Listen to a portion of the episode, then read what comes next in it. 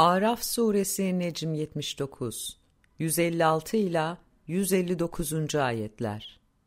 De ki: Ey insanlar, şüphesiz ben göklerin ve yerin mülkü kendisinin olan, kendisinden başka hiçbir ilah bulunmayan, hem dirilten hem öldüren Allah'ın size hepinize gönderdiği elçiyim.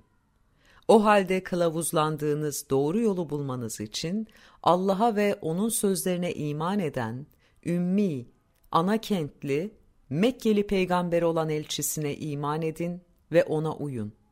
Musa'nın toplumundan da hakkı gösteren ve hakla adaleti uygulayan bir liderleri olan bir topluluk vardır.